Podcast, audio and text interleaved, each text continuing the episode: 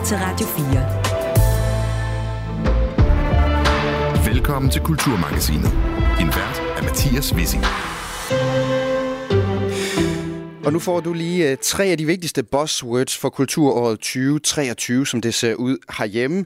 Kulturpas, Barbie og museumsreform. Sådan en slags kulturpolitisk uh, sandwich, som jeg runder med et skarpt panel i dagens udgave af Kulturmagasinet, hvor vi uh, den kommende time skal se tilbage på året. Der gik et panel bestående af anne Sofia Hermansen, kulturkommentator på Weekendavisen, Nils Erling, sceneinstruktør og Jane Møllenberg, mangeårig leder på en række kulturinstitutioner, senest, på, øh, senest øh, museumsdirektør på Enigma Museum for Post, Tele og Kommunikation, og nu Jane, indehaver af egen rådgivningsvirksomhed. Velkommen til alle tre. Tak. Tak skal du have. Og det er dejligt at, at have jer med. I sidder jo i, i København, øh, hvor jeg egentlig også gerne vil have været, men øh, omstændighederne vil det anderledes. Det betyder også, at jeg kan jo ikke styre jer. Øh, øh det, vil jeg lige så, det vil jeg faktisk gerne deklarere for lytterne, øh, så jeg ikke ligesom skal tage ansvar for det undervejs. I er jo så stuvet sammen derovre og har det helt sikkert meget mere hyggeligt, end jeg har det her. Har I fået jer, få, fået jer indrettet? Ja, ja. Vi har skam fået kaffe. Den er måske ikke i den gode ende. Og så har vi fået lidt vand. Hvordan er Radio 4-kaffen sammenlignet med? Du er jo sådan en, der kommer vidt omkring, anne Sofia. Hvor, hvor ligger den hen på et barometer? Tak, det er et spørgsmål, jeg har glædet mig meget til at besvare. jeg vil sige, at den lægger sig et sted mellem kaffen i Berlingske som er ret middelmodig, og så øh, kaffen ude i DR, som nok er en bundskraber. Ja, ja, ja. Jamen, det, det er jeg jo glad for at høre. Det er jo vores direkte Jane, konkurrent, nikker. ikke? Kaffen i DR er sådan, at jeg, som er inkarneret kaffedrikker, kun drikker te, når jeg er i DR. Jeg har bare et glas vand, faktisk. Ikke? ja, ja, jeg skal faktisk ikke have noget. Jeg skal faktisk ikke. Overhovedet ikke noget valgt. Selv vandet smager under. Det er, det er ikke noget, vi deler. Nej. Nå, øh, prøv at høre, I tre. Den næste time, der skal vi som sagt gennemlyse en sag eller et problem, som I hver især ligesom har, har fremhævet som øh, årets uundgåelige. Men først så, så skal vi bare lige have i indledende runde høre fra jer hver især, før vi tager hul på de større emner. Øh, jeg kunne nemlig godt tænke mig lige at spørge ind til jeres kulturforbrug i året, der, der næsten er gået. Øh, og jeg vil faktisk godt begynde hos dig, Jane Møllenberg. Øh, hvad er det for en film, eller en bog, eller udstilling, eller forestilling, eller TikTok-meme, eller Instagram-konto, eller pladeudgivelse, eller koncert, eller tv-serie, som har været årets uforglemmelige for dig? Det er i hvert fald ikke et TikTok-meme, så meget kan jeg sige. øhm, jeg er glad kulturforbruger, og jeg prøvede faktisk, da jeg blev spurgt øh, i forberedelsen til i dag, øh, at kigge sådan lidt ned over, hvad jeg egentlig oplevet i år. Og det, der helt klart bonger mest ud hos mig, det er musik. Jeg har været på rigtig mange festivaler, og det har været mega fedt. Øh, jeg tror stadigvæk, jeg har sådan et øh, coronasavn i maven mm. over det der med at stå og svede på hinanden, og øh, altså kigge nogen i øjnene, man ikke kender, og tænke, vi var her sammen. Øh, og det blev bare mega forløst i sommer, hvor jeg startede på Heartland, og så gled over i Roskilde Festival for at ende på Smukfest. Øh, jeg gentager øh, den øh, treenighed igen i 24, fordi det var simpelthen så fedt. Men det er faktisk ikke det, jeg vil anbefale. Det, jeg vil anbefale, øh, det er øh, en aktivitet, som sker en gang imellem inde på Statens Museum for Kunst. Den hedder SMK Fridays, og mm. øh, der bliver nikket i studiet. Der er andre end mig, der har været der. Jeg var der i øh, november sidst, øh, hvor at Sisters Hope, den her øh, kunstner, øh, trio, øh, har øh, havde iscenesat alle mulige forskellige aktiviteter.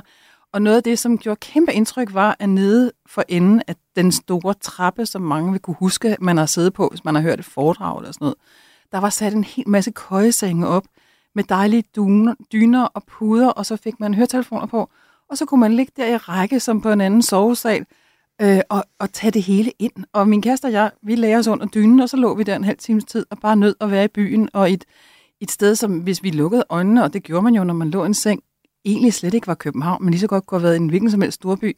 Og den der følelse af, at København er en metropol i verden, det synes jeg bare var så fedt, at vi har kun, kunstinstitutioner, som laver den slags aktiviteter. Mm. Og hvis man så billeder fra det, så ville det være en af den slags arrangementer, hvor man sagde, når man skulle nok have været der. Og ja, det skulle man, og det var jeg. Men de kommer, det her SMK Fridays, det er vel noget, de, de kører løbende? Det er det. Så og man derfor, har muligheden for at stå på i et eller andet omfang. Derfor anbefaler jeg det også, fordi det er jo en aktivitet, som er lavet, den er vel efterhånden 10 år gammel, men den blev lavet i sin tid for at få nogle målgrupper ind, som ikke var vant til at komme på museet. Og jeg skulle lige så sige, at det, det er et meget ungt museum den der fredag aften. Det ser meget anderledes ud, som man kommer en onsdag eftermiddag, hvor ja. det er kvinder på min alder, i filterrav, som øh, går rundt øh, og kigger på kunst. Men sådan en aften der, der er det øh, fadøl og øh, dejlig loungemusik og øh, en kulturinstitution, som peger fremad. Og det er bare så skønt, når man stadigvæk er landets nationalgalleri og rummer 500 års kulturhistorie. Ja, Okay, og, og nogle af dem, der faktisk har fat i de unge, det er jo, sådan, det er jo meget moderne at forsøge at få fat i de unge, men Ja, nogle af det dem vi faktisk har gerne. fanget- dem i et omfang. Men der Udover TikTok, som du ikke var begejstret for. Men så sådan et hat af festivaler har du også lavet. Øh, Anne-Sophia Hermansen, hvis man nu øh, læser i avisspalterne på de sociale medier, så har du også haft et år fyldt af kultur og en masse meninger. Du er en person, der, en person, der er god til at registrere ting og så mene noget om dem. Hvilken øh, kulturoplevelse, bog, film, forestilling havde flest kalorier, når du sådan kigger tilbage på dit 2023? Altså, blandt de bøger, der gjorde størst indtryk på mig, så var der et, Mathilde Walter Clarks, Det blinde øje, mm. hvor hun simpelthen skrev hen over den simple registrering af mink-sagen, der pludselig holdt op med at øh, handle om mink, men Mm. begyndte i stedet at handle om øh, grædende minkavlere. Mm, mm. Den er forrygende og i international øh, klasse, men den bog, der faktisk gjorde størst indtryk på mig, det var Bret Easton Ellis, der øh, efter mange års fravær, i hvert fald i mit sind, jeg har læst American Psycho tilbage i 90'erne, og har faktisk ikke rigtig beskæftiget mig så meget med ham siden. Nu øh, udkommer The Shards, eller Skår på dansk, og jeg gav mig til at læse den i sommeren. Den er cirka 600 sider, og de sidste 100 sider var så sindsoprivende, at jeg læste dem med en følelse af at have lim på mine kontaktlinser. Altså med øjnene spærret op, og øh, med hånden for munden, fordi jeg simpelthen var skræmt for videre sans. Mm.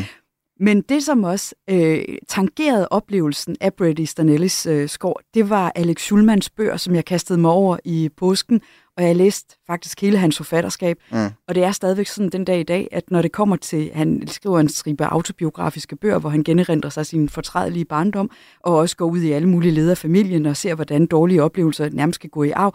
Men når jeg skal genfortælle en roman som overleverne, så kan jeg faktisk ikke gøre det uden at græde. Jeg var på, øh, på Arken med min mand, og da vi så var på vej ned for at, at se en af, af udstillingerne, så går jeg i gang med at fortælle om det her, og så begynder jeg simpelthen at græde, siger til dem, lige et øjeblik, jeg går lige ned med jakken, så kommer jeg tilbage, og så fortsatte jeg så med at, at græde mig igennem et referat. Det gør jeg virkelig meget sjældent. Hvad, hvad, hvad er der i den bog, Anne? Hvad, hvad den gjort Hvor lang tid har du? Jamen, jeg tror, det handler om, at han er god til at etablere sympati for sine karakterer. Vi hører om tre drenge, der vokser op sammen, og hvordan de allerede i det indledningsvise kapitel sendes ud i vandet af, af deres forældre, og der skal de så svømme om kap. Mm. Og de er ved at drukne undervejs, og de formår via teamarbejde at øh, få hinanden øh, alle sammen halet ind, og da de så kigger op, fordi de vil ligesom også vil fortælle øh, forældrene om den her oplevelse, så opdager de, at forældrene er for længst gået og taget flaskerne med sig med, øh, med vin at øh, de er mildest talt øh, ligeglade med deres børn, og det bliver bare endnu værre, fordi snart er der også en af dem, der befinder sig i en hytte, hvor igennem altså, der pludselig sker en kæmpe voldsom kortslutning. Og så er det, at, øh, at der er en, der dør, og som er en helt anden end den, som man tror. Og det her gys, det efterlader i en, når man opdager, hvad det egentlig var, der skete i den hytte, og det opdager man først langt, langt senere, synes jeg simpelthen er så bevægende, at det er som, at der bliver åbnet en faldelem under mig, som jeg stadigvæk bliver ved med at gå igennem. Det er fantastisk litteratur, og jeg synes i hele taget, at 2023 har været et af de bedste litteraturår Ja. ja. i mange, mange år. Og, og, du, og hvad er det for en af Schulman, du nævner her? Fordi han er jo også ekstremt produktiv. Det er overleverne. Overleverne, sagde du, ja. Og, med, Den skal man læse, og så skal, skal man læse. læse uh, Glem mig, og så skal man læse Brænd alle mine breve. Ja. Og så øh, er det lige meget med resten. Altså især hans øh, essays, dem skal man holde sig fra, altså fordi det bliver sådan noget værre vås. Overleverne, glem mig, brænd alle mine breve. Jeg ved, at Karoline Kær fra Mellem Linjerne her på, øh, hun, hun, hun sagde øh, Malma Station, som hun også lige udgivet af. Den er også genial. Øh, den var hun sådan, det er en af de bedste bøger, jeg nogensinde har læst. Den smed også lige Alex Schulman-puljen. Og så fik du jo også lige nævnt Mathilde Walter Clarks Det blinde øje og Bret Easton Ellers nye. Så, så hvis man lige øh, skal læse de her, har 10 bøger, man kan læse i, i juleferien, så er det lidt at kaste over der. Så kan man lige smække Anne-Marie Vedse Olesens øh, bøger om Vølvens vej oveni, og det er bare nordisk øh, mytologi på svampesnacks. Altså, Dejligt. jeg tror, hun er skæv, når hun skriver. Ja, men det, det, det kan du godt komme nogle gode ting ud af en gang imellem. Øh, tak for anbefalingerne og lidt litteratur, Anne-Sophia Hermansen. Niels Erling, Ja. øh, som rosinen i pølseenden. Du har også haft travlt som sceneinstruktør. Øh, Ja. Jeg skal lige vende før din anbefaling, øh, dit, øh, hvad du arbejder på lige nu, men du har Ja. haft et år, hvor du blandt andet har instrueret sceneversionen af, af Jeg anerkender ikke længere jeres autoritet, Poulborg Te- Teater, selvfølgelig øh, Glenn Becks manifest. Ja. Lige nu så er du altså i gang med at instruere en forestilling under titlen Pamela på, øh, på sort der i København. Hvad er det for en forestilling, I, I, I har gang i? Jamen, det er anden del af en serie, vi har gang i, som hedder en, vi har gang i sådan en blond Babe-trilogi nede på Sort Hvid. Så først så lavede vi uh, Work Bitch for to år siden, som handlede uh, lidt om Britney, men rigtig meget om uh, arbejdskultur, præstationssamfund og uh, udbrændthed. Og nu er vi ved at lave uh, Pamela, som handler om fakeness og om frygt, og om øh, hvilke mennesker, der får lov at have værdi i verden, øh, baseret på deres udseende. Mm. Handler det om Pamela Andersen? Det handler om Pamela Andersen, ja. ja. Så vi har lavet en, øh, en form for... Øh, øh, hvad skal man sige, kobling af Pamela Andersen-ikonet øh, og øh, en Alice Jonsland-dramaturgi blandet med øh, gyserfilm. Så det er sådan en, Alice, en Pamela i Marits verdenen, kan man godt sige. Og hvornår spiller I? Vi har premiere fra 12. Øh, januar og ja. så spiller vi fire uger Og det betyder jo, at I er i fuld gang med prøverne, og nu går jeg ja, snart på juleferie, og så glemmer alle skuespillerne replikkerne hen over julen. Sådan er det altid. Oh, nej. Det ved du, Niels Hvem er nummer tre i den der Blonde Babe-trilogi? Ja, men det er jo det. Det bliver jo spændende. Det er jo uh, premiere i 26, og jeg kan ikke fortælle, hvem det er. Nå, okay. Men altså, uh, først Britney, så Pamela, og det er den uh, Man kan gå i gang med at gætte, ja. og man gætter det ikke. Ja. Nej, okay. Nej. Uh, en anden Blonde Babe... Uh, Niels Erling, det er jo Barbie, øh, ja. og vi skal tale om hende om lidt, men hvis vi nu lige parkerer den, gemmer ja. den til lidt senere, så skal jeg også lige have din største kulturoplevelse i år, hvis du, hvis du ikke skal pege på det, du selv har Jamen, jeg blev pludselig sådan i tvivl, ikke? fordi at så sagde Jane Festival, og så tænkte jeg, hold kæft, jeg har også været på mange gode festivaler i, i, i det forgangne år. Jeg nyder virkelig at tage på, øh, det er jo selvfølgelig en fagskade, men altså jeg elsker at tage på scenekunstfestivaler, øh, især uden for Danmark. Og jeg synes bare, at øh, jeg vil virkelig øh, flagge for, at man også tager ud af landet, når man tager på festival, tager på kunstfestivaler i andre lande. Det er ekstremt inspirerende. Øh, jeg beskæftiger mig ikke på den måde med billedkunst, men jeg har også øh, rejst til øh, forskellige dokumenter og forskellige biennaler rundt omkring. Jeg synes bare, det er ekstremt stimulerende, hvis man interesserer sig for, for kunst og, og kultur at tage ud på festival. Mm-hmm. Jeg kunne også have nævnt, nu, nu prøver jeg ligesom at nævne ting, uden at rigtig at nævne det, men jeg kunne også have nævnt øh, øh, en af de største litteraturoplevelser, jeg har haft, som er, jeg har læst Solvej Balles øh, øh, om udregning af rumfang øh, mm. bøger. Øh, nok lidt late to the party, men jeg synes, de er formidable. Jeg synes, hun er ekstremt velskrevet. Jeg har sådan taget en af dem med mig, øh, hver gang jeg har været på ferie. Det har været virkelig, virkelig dejligt. Mm. Og, at ligge et sted og, og bare dvæle ind i, hvad tid egentlig er. Men hun er jo øhm. også vores øh, Nordisk Råds litteraturprisvinder i år, så, øh, så det er jo faktisk godt også i det her program lige at få hende ja, men det på bordet, det. Niels Erling. Meget elegant, at men du det, skulle være radiovært. Ja, men tak skal du have. Men det jeg egentlig jo gerne vil, øh, vil nævne, fordi jeg har jo slet ikke nævnt det, jeg rigtig gerne vil nævne nu, det var øh, det er en filmoplevelse, jeg har haft. Jeg så den film, der hed Close, øh, som jo også blev en helt stor film på, øh, på, på Cannes Festivalen. Og jeg, var, jeg gik øh, i biografen sådan en, øh, en sommerdag, en formiddag, og anede faktisk ikke sådan helt, hvad jeg skulle se. Og jeg havde øh, samme oplevelse, som du har haft øh, med, øh, med, med overleverne. Altså, jeg, simpelthen, jeg græd. Jeg hulkede mig igennem øh, Close, og så øh, øh, et par uger efter, så sagde jeg til min kæreste, sådan, den, vi er nødt til at se den, og jeg, jeg vil gerne se den igen. Og, og jeg kunne simpelthen jeg, så begyndte jeg på sådan noget forgråd, altså inden vi var nået til det sted, så han kiggede op på mig og var sådan her, hvad, hvad, det er da ikke så sørgeligt. Jeg var sådan, nej, det, det bliver lige om lidt. så jeg, jeg, altså, det har virkelig været en stor oplevelse for mig øh, at se, øh, ja. se den film. Det vil jeg anbefale til alle. Jamen, så kom vi jo både i omkring festivaler og museumsoplevelser og bøger og film, og vi, altså, det er jo, og, og teater endda. Vi har været lidt alle vejen allerede. Det tyder godt for, for den øh, kommende times tid. Øh, men jeg er tre, jeg synes, der, der er meget grådet allerede nu i programmet. Er det sådan lidt, har vi sådan lidt den der det blinde øje med Tilly Walter Clark øh, vibe af Sofia Hermansen? Men der er ikke noget galt altså, med gråd, altså, fordi det, som kunsten jo gør, når den er bedst, det er også at gå i eksistensen. Mm. Altså forandre vores syn på os selv eller på andre. Altså, ja, ja, men I kunne godt have nævnt en, en comedy show eller, eller en ja, Ørken Sønder. Eller bare, skal ja, der er jo ikke nogen, der har siddet og grædt over her, det tror jeg Nå, lad os, øh, lad os øh, sætte et forløbigt komma med sådan en jingle her. Du lytter til Kulturmagasinet. Jeg synes, vi skal kaste os ud i de her lidt bredere kultursager fra, fra året, som I jo har taget med, øh, fordi de har gjort indtryk på jer. Det er det, det handler om i Kulturmagasinet i dag, hvor jeg altså har besøg af sceneinstruktør Niels Erling, tidligere museumsdirektør Janne Møllenberg og dig, Anne-Sophie Hermansen, kulturkommentator på øh, Weekendavisen, som fremhæver Kulturpasset. Øh, det var en stor nyhed her i, i, i 2023. Det peger ind i finansloven for 2024.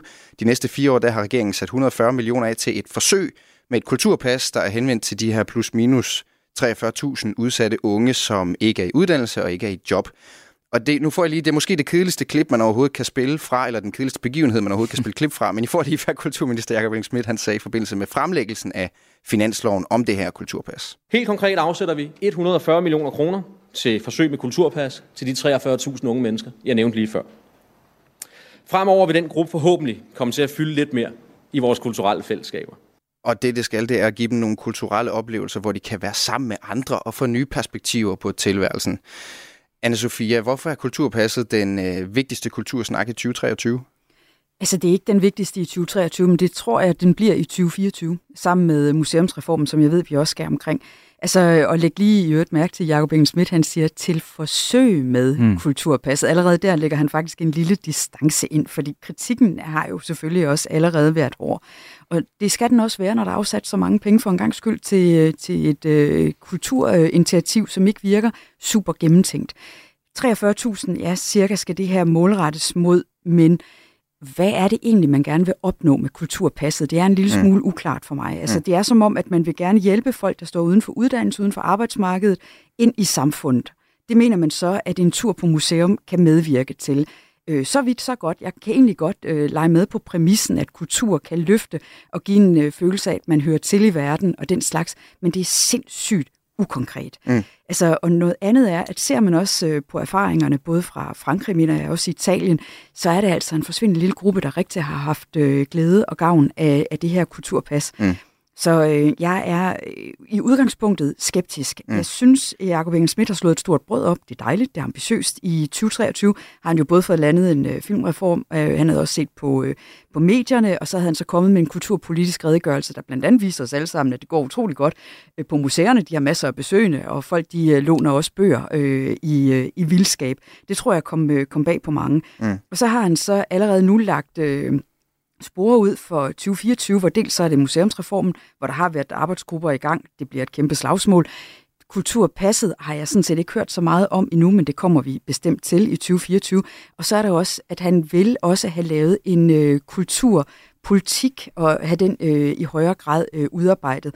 Det ser jeg også øh, meget frem til at mm. høre meget mere om. Jeg vil jo håbe, at kulturdebatterne kunne være meget mere engagerende end, øh, end de forløbige har haft en sens til. Altså, vi er meget engageret i koranlovsdiskussioner, mm. eller store bededag, eller den slags. Altså, men når der kommer til at diskutere kultur, så synes jeg, at vi kan have et efterslæb. Det ja. håber jeg, vi kan blive bedre til i 2024. Men, og, og måske udspringer det af kulturpas-samtalen, fordi der ligger alle mulige sådan... Øh undermapper ind i den mappe, der hedder Kulturpasset, som handler om, hvad skal kulturen kunne, hvad vil vi gerne have, den kan, hvem er det til, hvordan engagerer man i virkeligheden, altså så det ikke bare bliver sådan et klippekort, hvor man går ned og køber øh, de der øh, hvad manga, det, som, manga tegneserier, som de vist nok gjorde i, som, som erfaring vist nok var i Frankrig eller sådan et eller andet. Præcis. I hvert fald, det han har sagt, det er, jeg forestiller mig en digital løsning, hvor man har sit kulturpas på sin telefon eller tablet. Så vil der være midler til rådighed fordelt på forskellige kultur-, idræts- og foreningsområder, altså bare lige for at åbne den op også. Øh, det kan være, der kommer 4-5 overordnede kategorier, så man ikke kan bruge alle pengene på det samme. Det ved vi, og resten vil jeg give det ret i, det er sådan lidt mere øh, i tågerne. Hvis vi nu leger med tanken, at vi her i panelet kan bestemme, anne Sofia, hvordan skal sådan et kulturpas overhovedet så se ud i, i praksis? Men spørgsmålet er i første omgang, hvor skal det forankres inden? Altså hvis det skal målrettes de her 43.000, som, og det er jo et ret øh, problematisk antal, prøv at forestille jer 43.000, som hverken er en del af et arbejdsliv eller øh, i gang med en uddannelse. Altså, at hvis man vil have fat i dem, så bør det jo være på jobcentrene. For eksempel, man kan øh, forankre kulturpasset. Det er til en, en, en start øh, der. Så kan man begynde at se på kommunerne. Hvad har de af erfaringer rundt omkring Silkeborg og Aalborg, altså, hvor man jo også har arbejdet meget altså med kulturen som løftestang. Men man er jo nødt til at finde ud af, vil man øh, fremme trivselen? Handler det om at øh, få folk til at have en oplevelse af at høre til i verden? Er det mellem udfri dem fra ensomhed. Hvad, hvad er det egentlig formålet er? Jeg synes simpelthen, at det er for ukonkret, og jeg er faktisk forbløffet over, at det lykkedes dem at få 140 millioner afsat mm. øh, til projektet. Og jeg kan ja. godt forstå, at han siger, at det er et forsøg, og det skal det også være, men jeg har ikke øh, en øh, køreplan og en konkret idé, men jeg vil meget gerne bidrage til øh, debatten i 2024 af det her. Vi, vi, vi har tidligere talt med, Annemette Wittenke Nielsen, som ved lidt om, øh, hvordan man fasttæller øh, øh, unge i kulturen. Hun sidder på Aalborg Universitet og holder øje med den slags, lige præcis den her slags ting. Og da vi talte med hende, så sagde hun, der skal sådan nogle, hvis det skal give på det, det her, hvis det skal tale, tale ind i trivselskrisen og alle de der ting, de har skrevet sig op på i regeringsgrundlaget, at kulturen skal være med til, så skal der nogle sociale forpligtelser til os. Det er ikke sådan nogle... Øh, fingerknipsløsninger med gratis bøger. Øh, det er at, at, at indgå i et fællesskab, hvor man kommer fast i en periode, får nogle relationer, for eksempel lære at skrive digte eller lignende. Øh, Janne Møllenberg, hvordan har du det med det der kulturpas? Fordi øh, grundlæggende, så synes jeg jo, at vi havde en kulturbranche, som var meget, meget begejstret, da det blev præsenteret.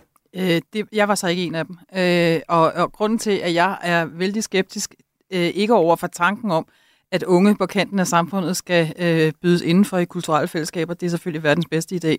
Men jeg synes måske, som anne Sofia, at det er lidt løst krudt, der bliver skudt med, ikke mindst fordi, at vi ved, og det er forskningsbaseret, at når man oplever kunst og kultur, så er det næsten altid en social foretagelse.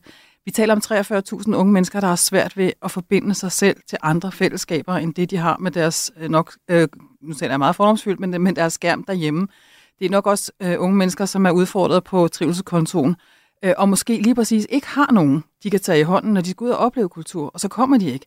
Så alene det, altså at sætte ind med nogle sociale indsatser, som understøtter evnen til at knytte bånd til andre mennesker, det er en forudsætning for, at det her overhovedet kan lade sig gøre. Et andet problem er jo også, at øhm, altså, hvordan definerer vi det der kulturforbrug? Øh, mig bekendt er det også kulturforbrug, når streame en serie derhjemme. Øh, det er også kulturforbrug, når at lytte til det, der kommer ud gennem æderen, når vi taler. Øh, så, så hvad er det egentlig for, for kulturoplevelser, som man fra politisk hold drømmer om, at de unge opsøger? Og endelig så må man sige, øh, at hvis det her skal lade sig gøre ude på kulturinstitutionerne, og det gælder jo både spillesteder, teatre, øh, biografer, museer osv., så øh, kan vi jo heller ikke bare slippe dem løs uden at have lavet noget til dem. Øh, det er ikke nok øh, at sige, at se, der hænger så Miro, hvis ikke man aner, hvordan man skal tilgå en Miro, eller mm. øh, sådan set bare få bekræftet, at man ikke hører til. Mm. Så, så der skal virkelig arbejdes formidlingsmæssigt. Det kan sagtens være, det er en del af de der mange, mange penge, men da jeg skulle... Øh, gøre status over øh, året i kulturen øh, i, anden sammenhæng til en klumme, var det også noget af det, jeg hæftede mig af, at det her beløb er ikke så betændt højt. Mm. I forhold til, hvad der ellers er allokeret på kulturbudgettet, så er det her rigtig, rigtig mange penge, som er givet uden nogen særlig præcise mm. forestillinger om, hvordan de skal øh, komme ud i den anden hen, og især også, hvordan det skal evalueres. Skal det forankres? Er det noget, vi skal er det sådan en øh, hovsaløsning, et quick fix, eller er det noget, vi skal have øh, på den lange bane? Alt det har vi slet ikke diskuteret, og jeg har egentlig været ret undrende over, hvor lidt debat der har været om det. Mm. Det siger jo måske noget om, øh, hvad man må sige, Jacob Schmidt er, at han har øh, noget at sige, og han er ret slagkraftig, han er god til at få sine ting igennem, at man kan få 140 millioner sat af til noget, der er et forsøg. Det er jo, det er jo, en, det er jo en lille bedrift, må man sige i sig selv. Vi, skal, vi kan måske vende lidt, ja, sådan Jacob Schmidt, hvordan han er kommet fra land lidt senere, men først vil lige høre Nils Erling. Mm. Jeg, jeg, synes, jeg synes, jeg hører, oplever sådan en kulturpas skepsis herover fra, fra dem, du flankerede af. Altså skal vi i virkeligheden ikke bare bukke og skrabe for, at vi endelig har fået sat penge af til kulturen, og at det er vidunderligt, at man lige frem tænker, at kulturen, i stedet for bare at stå over hjørnet efter en idé om, at kulturen kun er for dem, der selv finder den, så strækker man hånden ud for at hjælpe til med 140 millioner. Det er da, det er da magisk. Altså, det, det tog man overhovedet drømme om det for, for otte år siden. Bare, lad os bare sige otte år.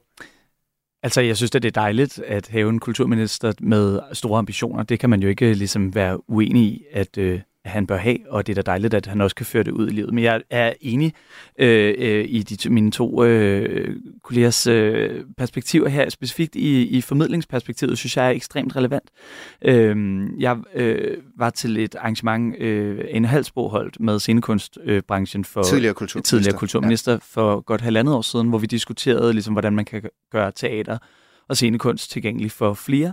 Øh, et et øh, emne, som også ligger mig enormt meget på sinde, og jeg synes, at jeg har altid tænkt, at der var sådan en... Øh, en økonomisk barriere, og jeg har været meget inspireret af, når jeg for eksempel har været i England og har kunne se, at man har de her concessionsordninger, hvor hvis du er på øh, en eller anden form for øh, øh, overførselsindkomst, eller du er førtidspensionist, eller der er ligesom alle mulige muligheder for, at du kan få rabatter, som ikke kun er, hvis du er under øh, øh, 26, eller hvad det nu er, der er rabatter til i sin kunst.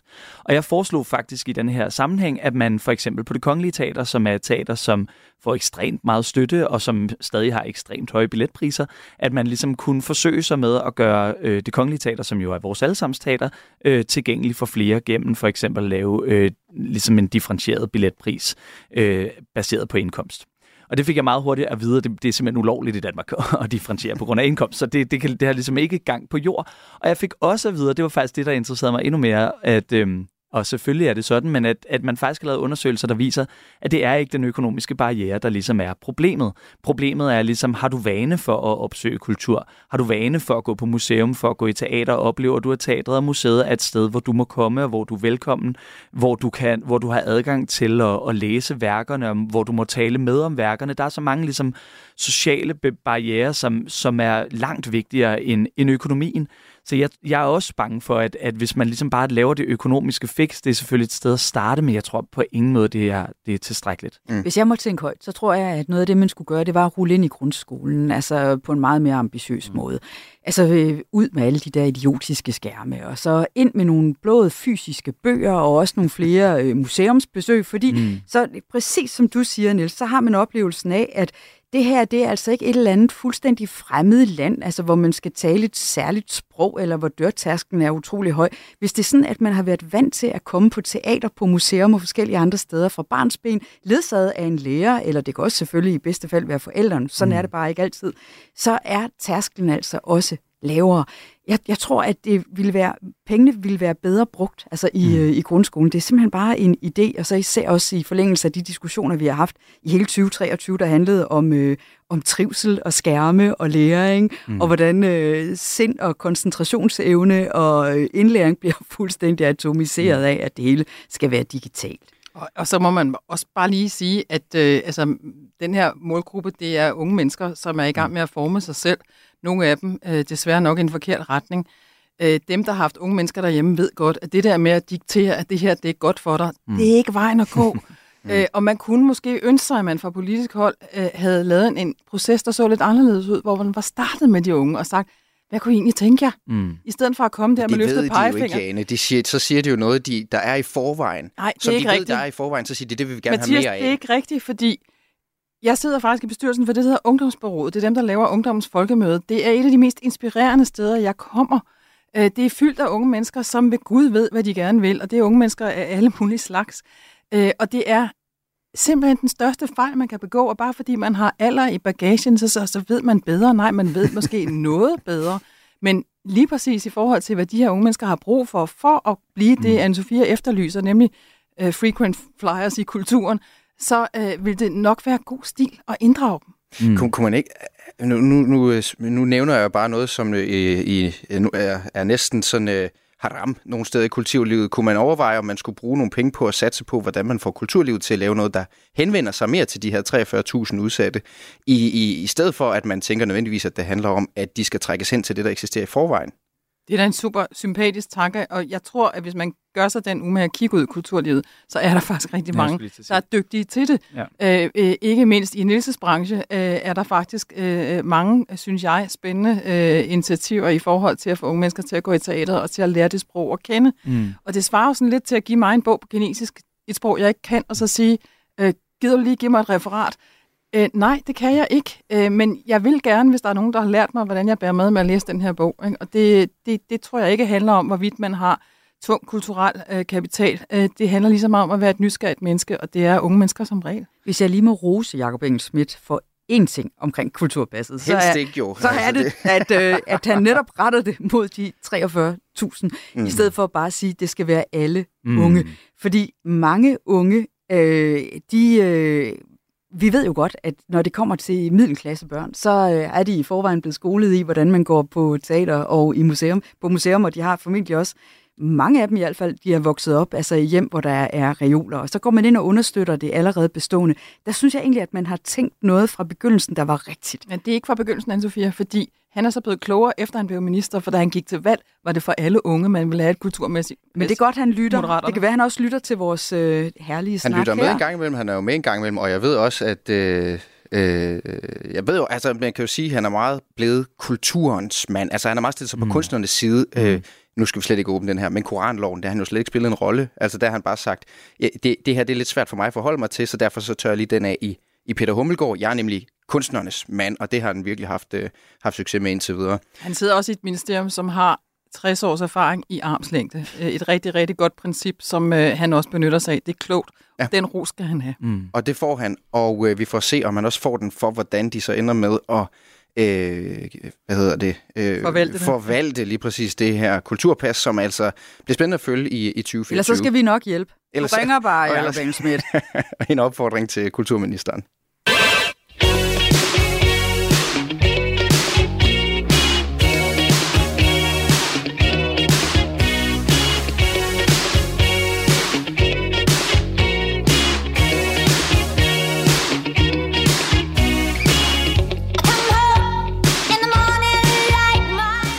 Gider vi ikke tale mere om øh, kulturpas. Det var derfor, jeg satte en lille skiller på. Niels Erling, hvad er det for en sang, det her? Jamen, det er jo Girls Just Wanna Have Fun. Det kan vi jo alle sammen høre. Og det kan vi høre, fordi... Og vi har det vidunderligt inde i studiet lige pludselig. Og vi skal øh, vi hører den jo, fordi at vi skal til at tale om en film, som, som overgik alle forventninger i, øh, i 2023. En film med masser af pink, pastel, pastiche og girl nights uden kend. Ikke mindst filmen Barbie fik jo premiere i øh, sommer. Den har siden på verdensplan rundet 1 milliard dollars i indtjening. Det er også den, øh, den mest sete film i Danmark i 2023. Det er det, man kalder en uh, live-action-film baseret på uh, dukken fra Mattel, altså selvfølgelig, hvor det her ikoniske dukkepar, Barbie og Ken, bliver spillet af Margot Robbie og Ryan Gosling, og filmen er desuden instrueret af Oscar-nomineret Greta Gerwig. Hi Barbie. Hi Barbie. Hi Barbie. Hi Barbie. Hi Barbie. Hi Barbie. Hi Barbie. Hi Barbie. Hi Barbie. Hi Ken. Hi Barbie. Hi Barbie. Hi Barbie. Hi Barbie. Hi Barbie. Hi Barbie. Hi Barbie. Oh, hi Alan. Hej Niels Herling. Hej. Det er dig, der har taget den her film med, ja. øh, og ikke mindst hele den kulturdebat, som jo fulgt filmen. Lad mig lige starte med at spørge dig, mm. hvorfor er det Barbie-film, du har taget med, og hvorfor, den har, hvorfor har den øh, gjort stort indtryk på dig i 2023? Men jeg ved hvad, jeg, jeg, altså for det første, jeg blev spurgt om, øh, ligesom, øh, hvad jeg ville have med for 2023, så kunne jeg nærmest ikke huske noget før november, fordi sådan fungerer tiden jo. Sådan, hvad er der overhovedet sket? Øhm, og så kiggede... Kulturåret november 23. Det. Lige præcis, november, november, og så videre. Ej, øhm, så kiggede jeg tilbage, og så synes jeg bare på en eller anden måde, den der store pink klods af Candy Floss øh, og tomkalorier, der lå øh, i sommeren, øh, var, var svær ligesom at komme omkring. Og så tænker jeg, om hvis ingen af, af mine medpaneldeltagere her vil tale om Barbie, så vil jeg i hvert fald gerne. Jeg synes, den er et, et vildt spændende øh, øh, produkt. Jeg er ikke sikker på, at jeg synes, det er en vanvittig god film. Øh, men, men jeg synes, den er... Et, altså på en eller anden måde var det jo et forventet, men alligevel øh, spændende øh, sammensmeltning af reklame og kultur, kunstprodukt, underholdning, øh, som pludselig opstod øh, og s- ligesom sweepede alle billetsalg. Og alligevel så sad jeg tilbage og, og synes sådan... Jeg synes, der var et stort, ligesom udnyttet potentiale i den her film, som jeg kunne mærke, at jeg stadig ikke var sådan helt færdig med at tale om. Mm. Øh, så derfor tænkte jeg, at jeg ville have den med i Er dag. Barbie den tredje blondine i serien med Barbie er Britney ikke, den, og ikke Pamela? den tredje, men det kunne hun have Bliver været. det er hun Margot. Robbie til gengæld? Det kunne det også være. Det kunne også være Margot Robbie, det er det heller ikke. La- lad os lige høre en bid fra traileren, hvis man ikke har set den, Jane. I don't have anything big planned, just a giant blowout party with all the Barbies and planned choreography and a bespoke song. You should stop by. So cool. You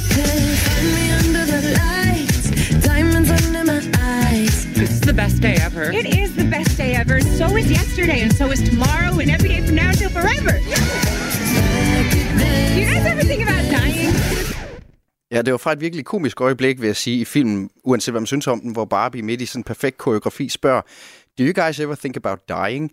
Og så laver hun ligesom sådan en rift i sløret i det her perfekte plastikunivers, som så kickstarter plottet, mm. kan man sige. Niels Erling, da jeg så den, så tænkte jeg på dig. det og nogle af de universer, du har bygget op i flere af dine øh, teaterforestillinger. Åh, oh, sjovt. Hvad synes du reelt om, om filmen? Hmm, altså, jeg tror, jeg, altså sådan, jeg nød den da. Jeg gik i biografen, og jeg købte mig en ordentlig balje popcorn og en kæmpe cola, og det hele gled ned, og så gik jeg ud, og så tænkte jeg ikke mere på den, tror jeg faktisk. Altså, det, det ærger mig en lille smule. Jeg havde, jeg havde glædet mig meget til at se den her film. Jeg kan rigtig godt lide Greta Gerwigs film. Jeg, jeg tænkte, okay, hun, hun tilføjer på en eller anden måde det her produkt en eller anden form for kant. Det er klogt, man har hyret hende til at lave den her film. Øhm, gad vide, hvad hun kan stille op med det. Og der var kommet nogle billeder ud, og det hele så jo sådan sukkerlækkert, glat overfladeagtigt ud. Man havde lyst til at tage en bid af alle frames, og jeg, jeg håbede på en eller anden måde, at der ville være en eller anden form for substans i det. Øh, men jeg synes, det hele havde ligesom strukturen af substans, eller det lugtede af substans, men jeg fik ikke nogen substans. Det var noget med, at kvinder også er mennesker. Øh, hvis det ligesom er en op- opdagelse, vi ikke allerede var kommet til, så kunne man få den. Og, øh, og det er okay at være, være lidt weird. Og øh, patriarkatet, det er ikke en god ting, men alligevel er det, er det Ryan Gosling, der har fået alle de sjove momenter. Det er ham, vi går derfra og, ligesom, og har lyst til at se mere med. Jeg synes på en eller anden måde, øh, Greta Gerwig øh, desværre fejlede øh, med det her projekt, selvom jeg havde glædet mig meget til at, at følge det. Jeg er meget enig. Øh, Jeg gik også ind øh, og så filmen med stor nysgerrighed. Og øh, lige de første sådan, 10 minutter, 15 minutter, der tænkte jeg, åh gid, jeg kan leve i den der plastikverden Ja. for altid. Så gik det så op for mig, nej, gudskelov, jeg ikke lever der. Fordi mm. ganske vist, så kvinder er emanciperet og er i stand til at være astronauter eller kosmetologer, eller hvad de end Can you drømmer om. believe it? No, men mænd til gengæld, de er Mm. bedst, når de er nede på alle fire. Mm. Altså det, det øh, efterhånden, der gik op for mig, det er, at i den her feministiske øh, sådan, øh, Fata Morgana-forestilling om den ideelle verden, er den faktisk ikke ligestillet. Mm. Fordi mænd har kun én mulighed, og det er at være ligesom Ryan Gosling, nemlig til grin. Der er ikke noget med, at mænd øh, kan være i egen ret, og ligesom kvinder også gå ind og være øh, tandlæger eller øh, præsidenter, eller hvad, hvad ved jeg. De er faktisk en slags øh, øh, avanceret sexdyr, og så har de så lige sådan en lille komisk øh, sidegeschæft også. Og da det så er sådan i øvrigt, at den her Barbie-verden, og det er det, der er plottet, den på et tidspunkt altså får den her flænge, for Barbie kommer til kendskab øh, om sig selv. Altså det går op for hende, at øh, Barbie en dag skal dø, og også for inden bliver gammel og får appelsinhud, så skal hun jo ud og besøge den rigtige verden for at på en eller anden måde at få fikset den her øh, Barbie-plastikverden mm. og komme tilbage. Mm. Og hun opdager så, jamen det ideelle er måske heller ikke det her plastiksamfund. Så er det så, at spørg- spørgsmålet bliver stillet i filmen, og det her, nu spoiler jeg, folk har haft chancen for at se filmen, og hvis ikke I har set den, så er det bare ærgerligt, så for nu fortæller jeg, ned i 10 sekunder. nu fortæller jeg, hvad Den ligger på. HBO. Da er det så sådan, at Barbie hun har de ultimative muligheder inden for sin rækkevidde. Hvad er det så, hun drømmer allermest om? Det er at gå til gynekolog mm. og få en opdagelse af, hvad der er mellem sine ben. Det er jo altså mildest talt et powered budskab. Mm. Jeg tog derfra og var skuffet. Mm. Jeg tror, at det, der, det, der, det jeg har lyst til også at, at diskutere, det er ligesom også faktisk hele, altså hele grundpræmissen i at kaste øh, Margot Robbie, synes jeg faktisk, da jeg tænkte jeg over at læse nogle klummer bagefter, der virkelig sådan åbner min verden for, det, på en eller anden måde synes jeg, den er sådan helt forkert. Hun er på en måde den perfekte casting. Hun ligner Barbie. Hendes ansigt er fuldstændig symmetrisk. Hun har de rette, hvad skal vi sige, proportioner i forhold til den dukke. Hendes hud er, der er ikke et spot at finde på den. Og hold kæft, hvor er det kedeligt. Og så tænkte jeg over, jamen, hvad, hvad vil det her dukkeverden egentlig sige, hvis vi ligesom rykker det ud i den virkelige verden? Udover at børn leger med dukker, hvad er det så, dukken repræsenterer i vores kultur? Og der faldt jeg over, jamen, hvem er, den, hvem er ligesom den ultimative Barbie inden for musikgenren? Det er sådan en som Nicki Minaj. Nicki Minaj kaldes Barbie. Hun er født i Trinidad. Hun er mørk. Hun har kæmpe bryster. Hun ser helt anderledes ud. Hendes ansigt er konstrueret. For hende er det at være dukke, det er en eller anden form for længsel efter en femininitet, som hun ikke er født med. Men ville du hellere have haft Nicki Minaj Ja. i rollen? Men der var jo også Barbier, som så forskellige ud. Der var tykke Barbie, og der var lille Barbie. Der Nogen, var, ikke er Mitch, der var Pregnant Der Barbie, var som så var 100% blevet, som så var Barbie, der var streget. tv-Barbie, altså der var alle mulige jeg. former Jeg- for Barbie. jeg havde sådan- Men den generiske Barbie er jo den, som Margot Robbie Ja, det ved jeg. Men jeg synes, den var fucking generisk. Jeg tror, jeg savnede sådan et, jeg savnede et mørke i den film.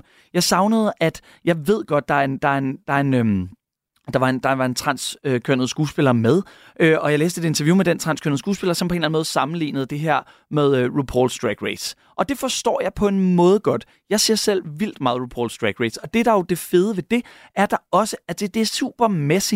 Det er også øh, det er sådan nogle brystplader, der flager rundt, og det er sådan hele tiden lejen med femininitet. Og den tror jeg savnede var mere, var mere udfoldet. Så, så, så søgte jeg ind i sådan, øh, øh, netop sådan øh, transkultur om, hvad, hvad det her øh, Barbie-fænomen øh, er.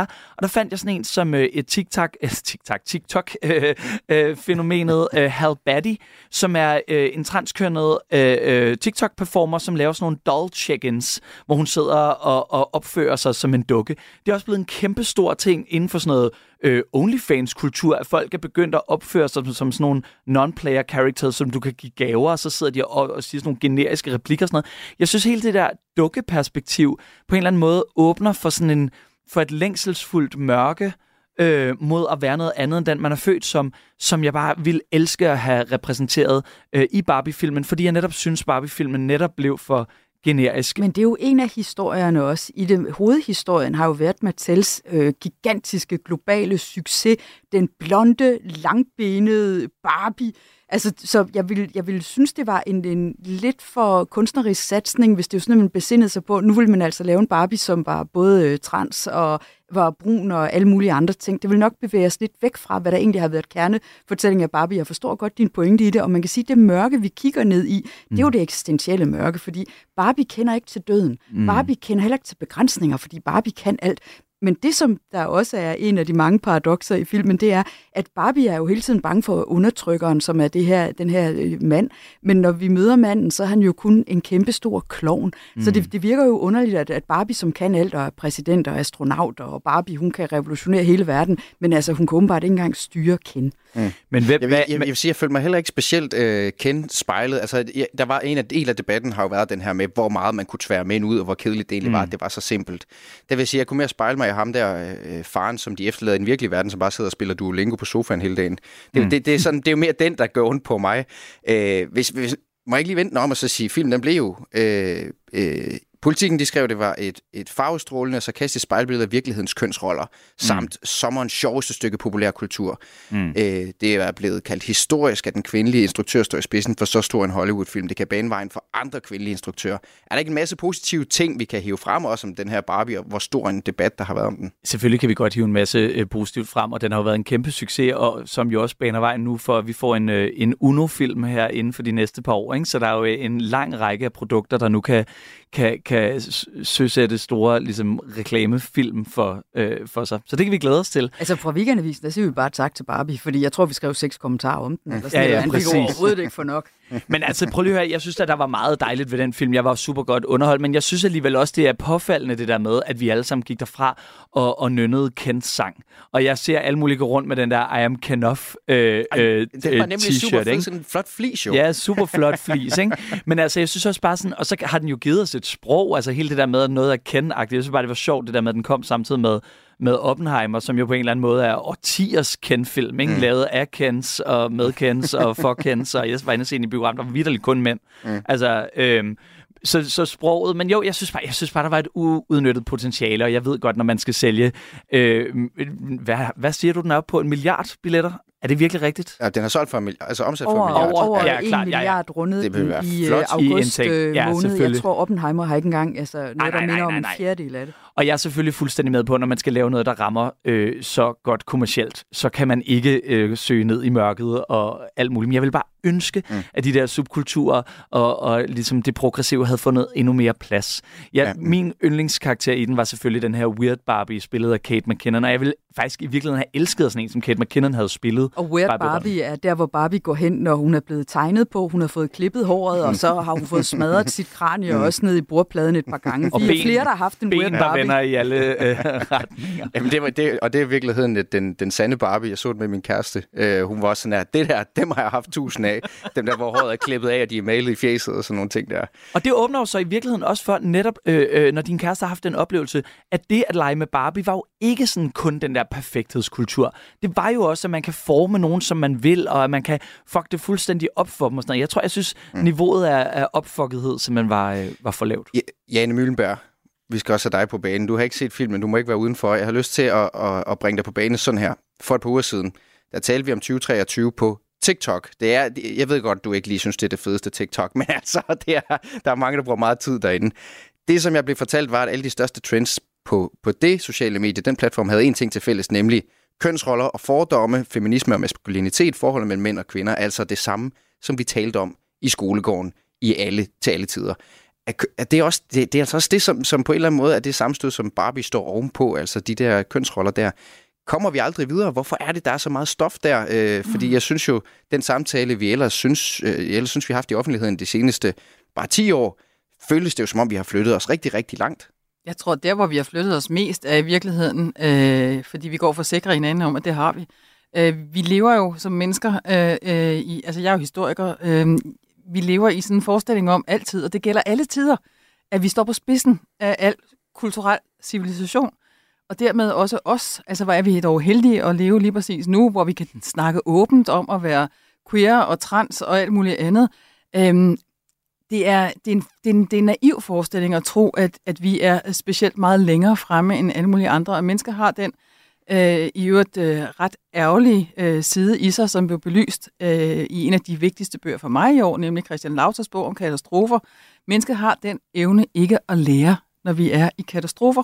Øh, ligegyldigt hvordan øh, vi bliver stillet i en katastrofe, så gør vi øh, det, som vi har gjort til hver en tid. Vi stikker fingrene i ørerne, og så håber vi på, at det går over, så vi kan komme tilbage til det, der var. Så derfor tror jeg, at den samtale er en eviggående samtale. Den bliver krydret lidt en gang imellem, og så kommer der sådan en film som Barbie, som jeg så, som du rigtig siger, ikke har set, og heller ikke nok kommer til at se. Men den bliver jo bare endnu et Baseret på den snak, vi lige har haft. Nej, hver- hverken eller. Øh, men for mig tror jeg mere, det handler om, at det er, det er en meget... Jeg synes, det, og det har vi ikke vendt, og det ved jeg ikke, om vi har tid til nu, men det er sådan en meget kalkuleret kommersiel tilgang, øh, som, som, øh, som, som, som affyringsrampe har de her dukker, som har boet på et hvert... Øh, mm. Nu tør jeg ikke engang sige pigeværelser, vel, men mm. på børneværelser mm. rundt omkring, siden, Ja. øh, siden også jeg var barn. Øh, og jeg synes, at det er øh, ekstremt kalkuleret, og når øh, Niels starter med at tale om det sugarcoated, så er det nok lige præcis det, der holdt mig væk. Øh, fordi det magter jeg simpelthen ikke at bruge min fritid på. Mm. Øh, så så jeg, jeg er slet ikke i tvivl om, at den slags problemstillinger er sådan en film med til at øh, understøtte, at vi taler om, og det er vigtigt, og det byder jeg velkommen til hver en tid. Men at tro, at vi så nu har løftet os kvæg Barbie-filmen, og vores frigjorte evne til at tale om kønsroller på 2023-måden, det er bundnaivt. Altså, det, det, det har vi gjort til hver en tid, og vi kommer til at gøre det i fremtiden, og vi kommer ikke til at lære ret meget. Nå. Således op Og mod glædelig jul. Hvis man Og nu, glædelig jul. hvis, nu god jul og godt nytår, vi gider ikke selv mere. Vi, Høj med det. øh, hvis man nu alligevel har lyst til at se Barbie, så ligger den på HBO. Øh, så, så kan man klikke sig ind der forbi, hvis man lige skal have syn for sagen. Hvis man ikke allerede har været i biografen, som rigtig, rigtig mange altså har. Det var den største film i danske biografer 2023. Før vi går videre til en snak om den øh, knas tørre, men ikke desto mindre varme kartoffel museumsreformen, så er det lige tid til sådan en her. Det er min sidste måltid. Jeg skal dø lige om lidt. Hvordan skal jeg dø? Mange vidunderlige gæster har spist deres sidste måltid hos mig. Min fars rummelighed kom lidt på prøve, da jeg sagde, at jeg havde været sammen med en kvinde. Sammen har vi talt om liv, død, om mad og om det eftermæle, som ingen af os undslipper. Jeg hedder Lærke Kløvedal, og jeg er vært på det sidste måltid. Du kan lytte med søndag kl. 10.05. Radio 4. Ikke så forudsigeligt.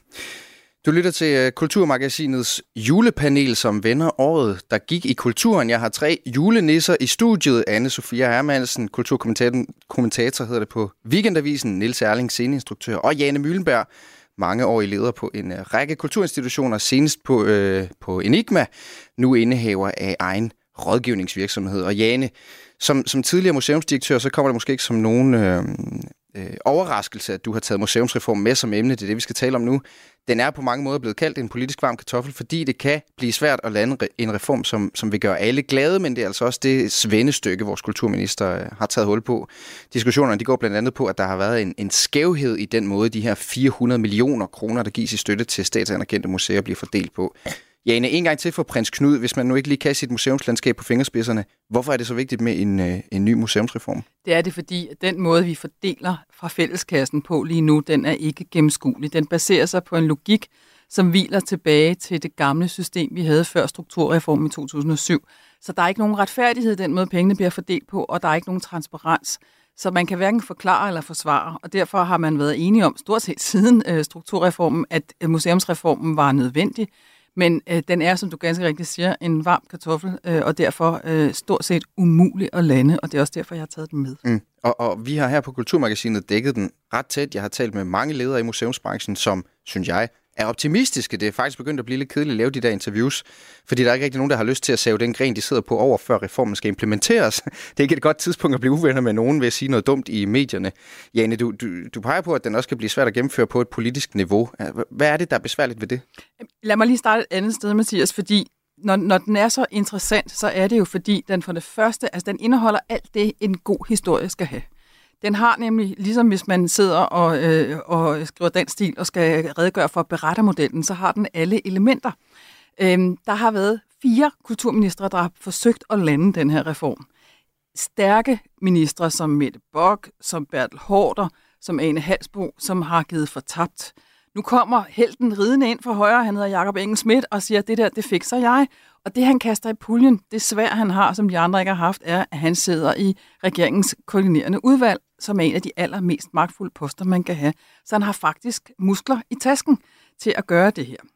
Så er der øh, det ved det, at øh, han har øh, for første gang, øh, det tror jeg Moderaternes fortjeneste, lykkedes med at få skrevet ind i regeringsgrundlaget, altså det regeringen hviler på, at vi skal have en museumsreform. Det vil sige, man kan faktisk ikke lukke den her regering uden at lande det her projekt, mm. uden enten at blive anklaget for løftebrud, eller for at være en fiasko. Mm. Ingen af delene ligner noget, hverken Jakob Engel Schmidt eller hans formand Lars Løkke har lyst til at, at, at være med til. Øh, øh, Så jeg vil tro, at det er et meget, meget vigtigt symbolprojekt for dem, selvom det er et lille projekt i det store politiske program. Mm. Men det, det er skrevet ind i regeringsgrundlaget, det er altså det, man kunne kalde den brændende platform. Mm. Og endelig så rummer det jo også muligheden for et blodbad i museumsbranchen, fordi at vi er vant til at se hinanden som kollegaer, men vi kommer til at kigge ned den samme kasse, og så kommer vi til at se, hvem der har længst arme og kan hive hårdest. Fordi det bliver de samme midler, vi kommer til at kæmpe om, og fordelingen, som lige nu ikke er spor retfærdig, den har vi ligesom bare levet med, fordi den var der historisk. Men lige om lidt, så skal der kunne redegøres for, hvorfor det er, at Arken, som ligger i Ishøj, løfter vist omkring 30 millioner om året fra staten, mens Brands, Brandt, som ligger i Odense, som faktisk er nogenlunde det samme som Arken. Mm. De får 3 millioner. Mm. Det gider man da ikke at finde sig i år i Odense, fordi der skal man så åbne en kommunalkasse og dække for, hvad det koster at drive sådan et sted, mens man i Ishøj ligesom kan folde armene og sige, ja, det tager staten sig af. Så det der med lige pludselig at spille øh, museumsfolkene ud med hinanden, rummer jo også et drama, som gør, at det her det er værd at øh, observere. Og det er værd, bare lige for at perspektivere, hvor lang tid det har været dumt det her, så er det jo et rest fra kommunalreformen, det der 15 med, hvem det er, der skal betale for de museer, der ligger, alt efter hvor de ligger hen i landet. Øh, det er arbejdsgruppen, som har siddet med den her øh, museumsreform, ikke kommunalreform, de har lagt vægt på, det er, at de nye tilskudsmodeller, det skal være til på sådan nogle objektive og målbare parametre, der er ens på tværs af alle, uanset museumstype, og de lægger sig op til nogle, nogle nye øh, måder at strukturere, altså nogle temaer, som man kan vurdere museerne på, vidensudvikling, samlingsudvikling og, og formidling. Øhm, Jane, øh, hvad er det, der er problematisk i forhold til at få landet den her museumsreform, som kultur, tidligere kulturminister altså ikke har haft succes med? Hvorfor, hvorfor var det set sådan her ude i 15 år, og hvorfor tror du, eller tror du ikke, at Jacob Engel Schmidt kan gøre det? Øh, Det har set sådan her ud i 15 år, fordi at der er ingen, der har haft det mod, som Jacob Engel Schmidt har nu. Øh, Det, man skal se for sig, er, at vi lige om lidt øh, kan risikere, at sådan et sted som Luciana, som danskerne jo elsker, bliver frataget stort set øh, deres... Øh, altså, jeg tror, de får 36 millioner, og de øh, vil ryge ned på måske 5 millioner. Hvorimod sådan et museum som Traphold, som får 2,2 millioner lige nu, måske vil få 10. Så vi vil skulle se ind i en omfordeling, som skal forsvares og forklares. Og når det er særligt interessant, så er det jo fordi, vi i Danmark har politikere, der sidder i Folketinget, der er valgt på et lokalt mandat. Og det vil sige, når man er politiker, og man er valgt i Koldingområdet, så øh, bliver det store valg, om man skal stemme for noget, der er nationalt til det bedste, eller man skal stemme for noget, der er lokalt til det Mm. bedste. Mm. Og det, det, det er nok der, jeg tror, øh, at Jacob Engel Schmidt har forregnet sig en lille smule, for jeg tror simpelthen, det bliver så svært Mm. at få, øh, øh, få enighed, Ja. Sådan så man ikke sidder og hytter sine lokale interesser, fordi det er der, man får sine stemmer fra. Må jeg godt komme med en øh, tilføjelse Vi til havde- det. Jane hun siger? Altså, fordi jeg har øh, statistikken over museer, der står til at få mindst og mest lige her foran mig. Og det er for eksempel Bornholms Museum, som hvis øh, de nuværende altså anbefalinger de øh, kommer til at gå igennem, så kan de stå til at få 577 eller 75 procent mere i tilskud. Øh, Vardemuseerne, det er jo et, øh, ja, de får 555 procent mere, hvis det her det går igennem. Og så omvendt, så har vi jo så hernede i bunden, altså Museum for Søfart, der kan miste 81 procent af sit øh, tilskud. Museum Sønderjylland, der kan miste 78 procent. Museum øh, Arken kan miste 78 procent også. Og så er der også Designmuseum Danmark og Fuglsang osv. Det, du siger, et Hermansen, der er meget på spil. Ja. Der er rigtig meget på Det spil, store og det, konsekvenser. og det har store konsekvenser, fordi heldigvis er det jo sådan, vi har 97 museer i Danmark, der modtager statsstøtte, og de er jo meget, meget velforankret i deres lokalmiljøer. Det er super vigtigt og rigtigt og godt, og derfor vil der jo komme øh, lokale kampe alle steder. Mm. Øh, og jeg vil ikke være spor overrasket, hvis øh, at der kommer rigtig, rigtig stærk modstand fra alle mulige ender og kanter i landet, og når jeg kender mine kollegaer ret, så er de i gang med at mobilisere derude, fordi det er voldsomt, hvis man sidder som en fire læser op, øh, og var det Museum Sønderjylland minus øh, 78 procent. altså det er jo det samme som at sige, at øh, man skal nærmest lukke og Men så er sin det, og, og noget af det, som faktisk også er meningen, den her museumsreform skal gøre op med, er, hvor uigennemskueligt det har været, hvordan de enkelte museer strikker deres økonomi sammen. Altså, der skal være en lidt en ensretning, fordi det lyder som om, hvis man stiger næsten 600 procent i, i støtte, eller falder næsten 80 procent i støtte, øh, det, det er jo ikke sådan det eneste sted, pengene kommer fra. De kommer også fra fonde, de kommer fra. Det er sådan lidt et, et, et miskmask, og det er også det, der gør det, må jeg bare sige, Jane. Det er en svær ting sådan rigtigt at tale om i medierne, fordi at man skal være så godt inde i sagerne. Det er så teknisk, og Ja. derfor, derfor er det, at jeg tror, det er meget vigtigt, at hvis man skal have folk til at forstå, hvorfor det her det fylder så meget hos os, altså det er jo ganske få mennesker, det her betyder noget for, altså os, der arbejder der lige nu, så, øh, så er det det der med at sige, for det første kommer vi til at skulle øh, øh, kæ- kæmpe om de samme midler på en virkelig ondskabsfuld måde, og så også det med, at politikerne skal tage et valg. De skal enten stå på mål for deres lokale område, hvor de får deres stemmer fra, eller også skal de tænke større for en ordning, som er nationalt bedst. Mm. Og man skal ikke undervurdere også, hvor mange mennesker det her det kommer til at få en betydning for. Mm. Altså en ting er selvfølgelig direkte de mennesker, der arbejder på museerne, men så er der så alle os, der bruger museerne, Præcis. ikke mindst. Altså, og det her, det er et kæmpe kludetæppe, og som det er blevet voldsomt diskuteret og er ikke gået så meget videre ud i offentligheden, fordi det også er en meget teknisk diskussion. Så er der jo så også en afledt debat, der handler om fondene. De får jo så også måske mere indflydelse, mere magt. Hvor meget mere magt skal de have? Og så er der jo så en anden del af det, det er, jamen det er så statsstøttede museer. Jan, du sagde, der var, hvad er det, 97. 97. Hvordan kan det være, at der ikke er nogen, der mister sin statsstøtte, og hvordan er der eventuelt ligger andre, faktisk, der kan få det? Ja, det ligger faktisk også som en af de der tækkende bomber i, øh, i øh, forslaget, nemlig at man skal kunne fratage nogle museer og, stats og det har nemlig det har været ret svært i praksis at gøre det, og det er en Det er del af den sket. snak. Det aldrig Øh, det har man ikke kunne gøre, siden man ændrede de der reformer, eller siden, at, øh, siden kommunalreformen trådte i kraft, og det blev sådan et kludetæppe. Men prøv at høre, vi skulle tale om det i meget længere tid, det skal vi altid, det siger hver evig eneste udsendelse, det er så fattigt som radiovært at sige, vi skulle tale mere en time mere. Det- Men altså, til faktum, er, faktum er, at nyhederne er på vej, og vi, øh, det var alt, hvad vi nåede for, øh, for i dag. Øh, Anne-Sophia Hermansen, kulturkommentator, Weekendavisen, Nils Erling, sceneinstruktør, Janne Møllenberg, tidligere museumsdirektør på Enigma Museum for Post, Tele og Kommunikation, og nu indehaver af Møllenberg Consulting. Tusind tak til alle tre, fordi I var med i Kulturmagasinet. Jamen tak for i år. Velbekomme. Og glædelig jul næste år. Ja, glædelig jul. Glædelig jul, Glædelig øh, til jul. jer også. Øh, hvis man nu ikke fik hele programmet med, så dukker det op i din podcast-app. Om lidt, det er det sidste program øh, fra os her i 2023. Lene Grønborg Poulsen havde sat panelet sammen. Mit navn er Mathias Wissing. Vi er tilbage efter nytår. God jul. Du har lyttet til en podcast fra Radio 4. Find flere episoder i vores app, eller der, hvor du lytter til podcast. Radio 4. Ikke så forudsigeligt.